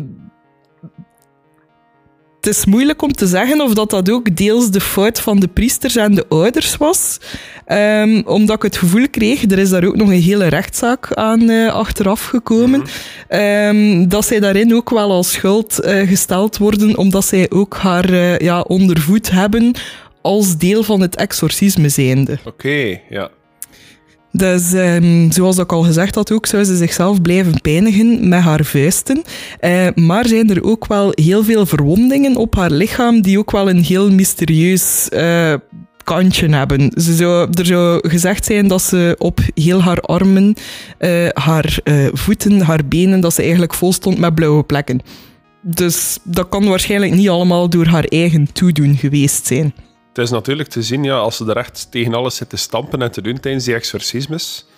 Eh, ja, en het feit dat ze er nog een keer moeten neerhouden, ook, Ja. dat, dat kan ook blauwe plekken creëren. Zeker. Maar, maar is, de, is de theorie dat er wel staan dat, dat haar ouders haar pijn zouden doen of zo? Of, eh, of wat is dat je ermee bedoelt? Wel, ik ga gewoon nog even doorgaan Ja. met mijn uitleg en alles dat er nog is achteraf bijgekomen. En dan kunnen we misschien nog een keer komen tot eh, De happy ending. de... ja. ja. Ehm, want ja, zoals te zien is op de foto's... ehm, ja... Ik, het is moeilijk om, om, om te beseffen dat als haar ouders er ook op staan te kijken en zo, en dat je echt ziet hoe dat je dochter aan het wegkwijnen is, dat er nog steeds op geen enkel moment iets van medische tussenkomst is geweest. En dat alles nog steeds heel geheim leek gehouden te worden. Ehm, nu, in die laatste periodes van die laatste sessies zou Anneliese blijkbaar ook nog een voorspelling gedaan hebben. ehm, dat eh, begin juli 1976 in haar woorden alles goed zou komen. En ehm, ja, Anneliese zou dus ook komen te overlijden begin juli, 1 juli 1976. Oké. Op 23-jarige leeftijd. Dus eh, ze heeft haar eigen dood voorspeld. Volgens de getuigen. Ja. Nu, eh, na de dood van Anneliese zou haar vader blijkbaar ook een spoedprocedure in gang hebben gezet. Hij zou eh, heel snel een arts gecontacteerd hebben eh, om een onderzoek te komen uitvoeren en om eigenlijk een natuurlijke dood vast te stellen. Nu, bij het toekomen aan dat huis en al die verwondingen te zien natuurlijk, weigerde die dokter om dat te doen. Dat was, Ja, hij vond dat ook heel bizar dat die vader allee, daar aan zijn deur stond, amper aan het rouwen was om zijn net gestorven dochter. En dan ook nog een keer te proberen te beweren dat ze een natuurlijke dood gestorven was. Maar ja, het is, al- als ik zo die, die foto's zie, dat je mij daarnet getoond hebt, dat ziet er gewoon iemand uit die, ja, die mishandeld geweest is. Die Ja. ondervoed geweest is, die slagen gekregen heeft, die vastgebonden geweest is. Ja, dus ja. om nu terug te keren naar uw vraag, of Ja. dat ik inderdaad zou stellen dat die ouders daarbij een aandeel hebben gehad. Het is tot een rechtszaak gekomen, Ja. waarbij dat dus de ouders en priester Rens en priester Alt terecht stonden. En ehm, Toch niet Rodewijk, hè? Rodewijk niet. Oké, nee, nee, Rodewijk is er maar één, misschien nog enkele andere keren geweest, maar eh, nee, Rodewijk is oké. Oké. Ehm, Goed. maar het is raar, het lijkt alsof dat er... Ah, jongen. het is wel raar, het lijkt alsof dat er nog altijd een paar dingen verzwegen zijn geweest. ehm, want ehm, op sommige dingen wouden ze niet echt antwoorden, zoals dat ik inderdaad zei, die verwondingen, die kneuzingen en zo. Ehm, waarschijnlijk uit schrik, omdat ze anders ja, in de gevangenis gingen belanden voor moord. Mhm. Nu zijn ze wel ook wel degelijk schuldig bevonden geweest, maar enkel maar eh, door eh, dood door verwaarloos, eh, dood door nalatigheid. Sorry. Oh ja, als dat maar is. Ja, ja. Eh, ze kregen allemaal een voorwaardelijke gevangenisstraf en een geldboete. Blijkbaar was het zelfs niet eens heel erg lang en heel erg veel, maar Ja. that's justice for you, I guess. ja, dat is triestig. Nu, ehm, ja, terugkijkend op alles dat zich eigenlijk heeft eh, afgespeeld, is het dus een ongelooflijk grote fout geweest om niet meer of niet sneller medische hulp te zoeken. Hè. Ik weet niet, ja, als zij echt effectief in die toestand was, of dat dat een mogelijkheid zou geweest zijn om haar bijvoorbeeld op een of andere manier te verdoven en haar zo te intuberen eventueel, om haar toch eten te kunnen blijven geven. Ik weet niet of dat, dat een mogelijkheid zou geweest zijn, maar allee, het had wel een redding kunnen geweest zijn, moest er nog meer medische hulp geboden geweest zijn. Ja, En medisch- misschien- oh, sorry. En misschien ook moest ze gewoon... Ja, het is helaas een beetje misschien ook die tijdsgeest geweest. Moest ze later geboren geweest zijn en in deze tijd geleefd hebben, gingen ze natuurlijk ook veel meer middelen gehad hebben om effectief haar diagnoses te kunnen vinden. Hè? Want, eh, diagnoses, sorry, diagnose. Ehm, want met de huidige wetenschappelijke kennis wordt er wel allee, meer licht geworpen op haar toestand. En eh, zouden er nu velen zijn die beweren dat ze ehm, ja, schizofrene psychose zou hebben of eh, manische depressie. Of een combinatie van de twee, als dat mogelijk is. Is zeker mogelijk, ja. Ehm, ja, ik zou ook eerder de, de psychotische kant op gaan, eigenlijk hiermee. Ja, nu daarbij ook aansluitend zijn er ook nog een paar dingen dat dat ook nog verder kunnen staven. Ehm, want zoals dat we het er al over hadden, het is een beetje raar dat... Allee, er wordt altijd gesproken over demonen als er een, eh, een bezetenheid is. Maar het is inderdaad eigenlijk... Ja, plots Hitler eh, en eh, ja, priester Fleischmann daar ook waren. Want dat wordt wel degelijk ook gemeld dat eigenlijk... Ja, dan weten ook al dat het niet klopt... Want bezetenheid kan alleen maar door demonen en niet door mensen. Ja, maar wie zegt er dat mensen geen demonen kunnen worden? Ja, ja, misschien. Allee, ja, we weten zelfs niet officieel of dat demonen bestaan. Dus we kunnen ook moeilijk bepalen hoe, dat ze, hoe dat ze ontstaan. Hè? Allee, ja. Ja. Ja. En geen een van die figuren die je opnoemt is een, is een demon. Wie had je daar? Judas? Geen een demon, was Nee. een mens. Priester Fleischmann? Waarschijnlijk ook een mens. Nero? Een mens. Kain? Ik weet niet of dat hij bestaan heeft, maar als hij bestaan heeft, was een mens. Hitler? Voor zover dat ik weet, ook een mens. En Lucifer is, de, is zo like de, de, de directeur van de demonen. Maar som- is- soms is- gaat hij wel een keer, als er onderbemanning is, gaat hij zelf ook wel af en toe een keer werken, denk ik. En is technisch gezien eigenlijk een engel. Ja, maar, Dus ja, geen een van die zes is een demon hoor, Nicky. ja oké, maar mij moet niet overtuigen. Hè. Nicky, dat zijn geen demonen. Maar dat is dus het punt. Ehm, ja, ook al omdat Anneliese dus inderdaad, als ze bijvoorbeeld ja, bezeten was door Hitler, dat ze inderdaad ook weinig extra info kon geven. Ehm, of dat ze dan langs de andere kant, als ze bezeten was door iemand anders, wetende dat ze heel goed was in Latijn bijvoorbeeld ook, is het voor sommigen ook wel een teken geweest dat dat een manier was om gewoon een deel van haar persoonlijkheid ook naar boven te laten komen dat heel lang onderdrukt is geweest. En sprak, dat- ze, sprak ze ook Latijn tijdens die exorcismes? Want wat dat we daarnet hoorden, dat was in Duits. hè? Dat was in Duits. Ja, er wordt gesproken dat ze soms wel een keer Latijn vernoemd heeft en dat ze het ook verstond wanneer dat de priester dat gebruikte Ja. tijdens zijn exorcisme. Oké. Nu, ehm, ook daarbij komend ook over eh, priester Fleischmann dan nog een keer. Ehm, blijkbaar is die ook maar ehm, ja, op het toneel verschenen een week nadat toevallig eh, priester Alt daarover een gesprek had eh, met de ouders van Anneliese. Zo net dicht en luid genoeg dat Ja. ze dat gesprek kon opvangen. Dus dat toont eigenlijk ook nog een beetje aan hoe ja, beïnvloedbaar dat ze eigenlijk was in die toestand. Ehm, dus alles samen, inderdaad, kunnen we niet anders, denk ik, dan naar Ja. de medische kant neigen. Ja, inderdaad. Ik denk dat dat eh, toch ook wel mijn conclusie zal worden. Het is zeker een heel tragisch verhaal. eh, heel die geschiedenis van Anneliese. En het lijkt me alsof dat er daar heel veel leed had kunnen bespaard worden door inderdaad meer in te zetten op, op de medische, de wetenschappelijk onderbouwde kant. Ik weet niet of dat de medische wetenschap van, van in de jaren 70 op dat punt zeer, of dat die jaar volledig had kunnen helpen. Maar moesten ze daarop ingezet hebben, dan was ze er misschien vandaag nog. En was ze niet zo'n tragische, pijnlijke dood gestorven. Zoals dat uiteindelijk gegaan is met die 67 exorcismes. Die uiteindelijk toch nog maar een keer dat religie en bijgeloof meestal niet veel goed is. Nee, inderdaad, maar daarvan vind ik het wel een, eh, een ik zal maar zeggen, positieve wending. Allee, dat er, Ah, de happy ending? Ja, oké. Zeg maar. Nee, maar dat dat wel de deur heeft geopend om, om toch wel meer ook... ehm, ja, echt wel dat, dat medische te overwegen ook. Wat ik zeg, het een van die twee boeken dat ik heb gelezen, is effectief geschreven door een priester. Die echt wel... eh, ja, ook benoemt van dat er heel veel lessen zijn die kunnen getrokken worden daaruit. En ik kan alleen maar hopen... Allee, het zijn natuurlijk nog genoeg werelddelen waar dat dan nog echt heel serieus wordt gedaan en waar dat die religie nog altijd heel sterk doorweegt. Maar we kunnen alleen maar hopen dat er toch wel eerst gekeken wordt naar die medische achtergrond en wat dat er daar mogelijk is. Hè. Ja, inderdaad. Dus als je één les eh, wil meenemen uit de aflevering van vandaag, Ik had het gezegd, hè? Nieuwe medicatie. Ik had gezegd dat we hier een overkoepelende les gingen hebben we in kunnen trekken. Ga misschien eerst een keer bij een dokter voordat je bij een priester gaat. Voilà. dus ja, eh, laat ons zeggen, eh, had Anneliese demonen? In de religieuze zin nee. In de medische zin had ze heel veel interne demonen. Ja, ja, inderdaad. We zitten hier gewoon in stilte te knikken naar elkaar op dit punt. Omdat ik dacht dat er misschien nog iets ging toevoegen, maar...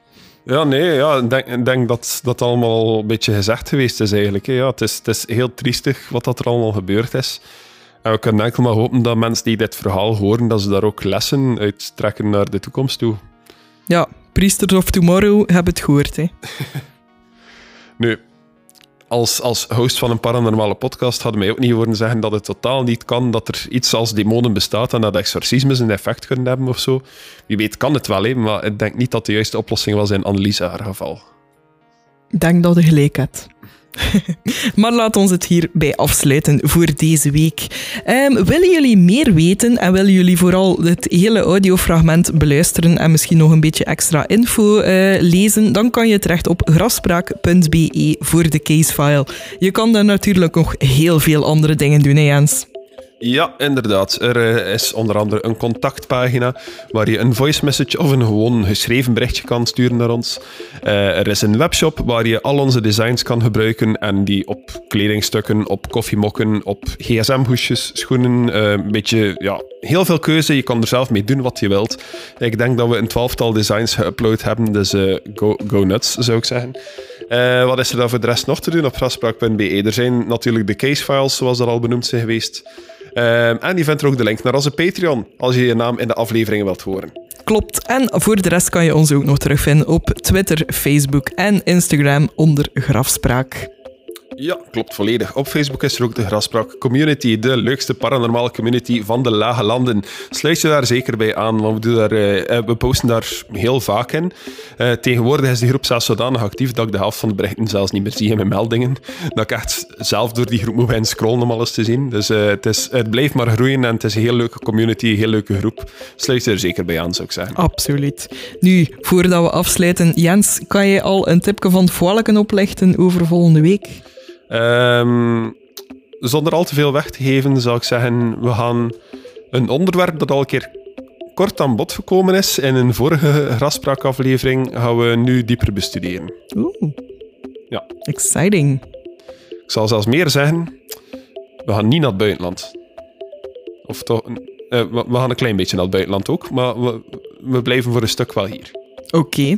Ja. Ehm, en meer ga ik niet weggeven. Spannend. Goed, tot die tijd kan je nog steeds alle afleveringen beluisteren op jouw podkla podcast. Podcast. Podcastplatform. Ik ga stoppen, doe jij de outro maar. Ja. Je kan Graspraak beluisteren op zo goed als elk podcastplatform. We staan op Spotify, op iTunes en op al de rest eigenlijk ook.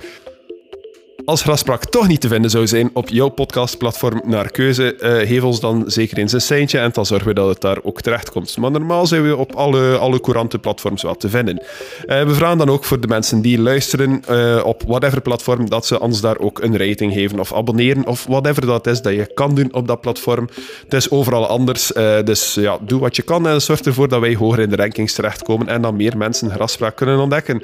Want als je dat niet doet, kan het wel een keer gebeuren dat je vroeg of laat toch een keer bezeten wordt door het een of het ander en dat je, eh, dat je naam zodanig bekend wordt wereldwijd dat heel veel mensen die naam eigenlijk kennen en gebruiken en dat bijna heel de wereld het verkeerd gaat uitspreken omdat bijna alle media-aandacht in het Engels is. Dit was Grafspraak, tot volgende week. Bedankt, bedankt voor het luisteren en eh, bedankt voor de mensen die gestemd hebben op ons in de Belgian Podcast Awards. Ik ben zelf heel benieuwd hoe dat we het gedaan hebben. Bye. Bye.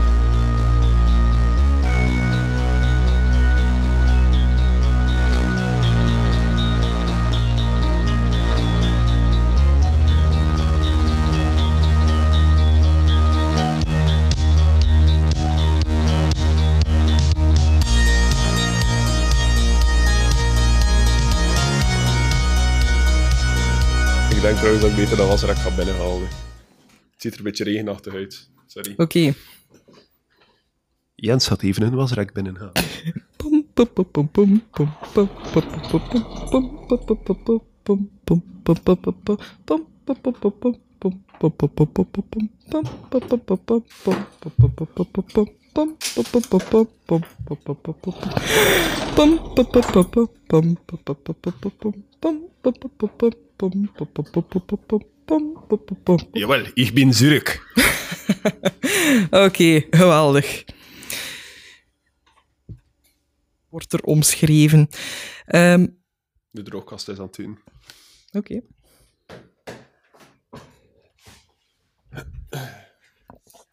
Wacht muziekje, wacht muziekje.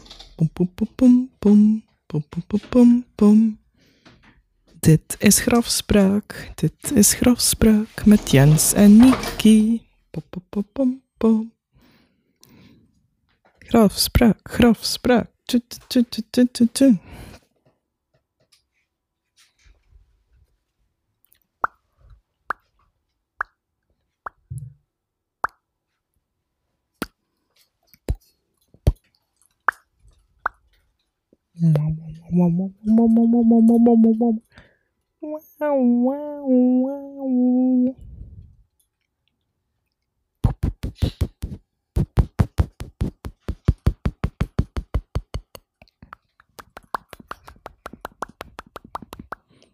Brr.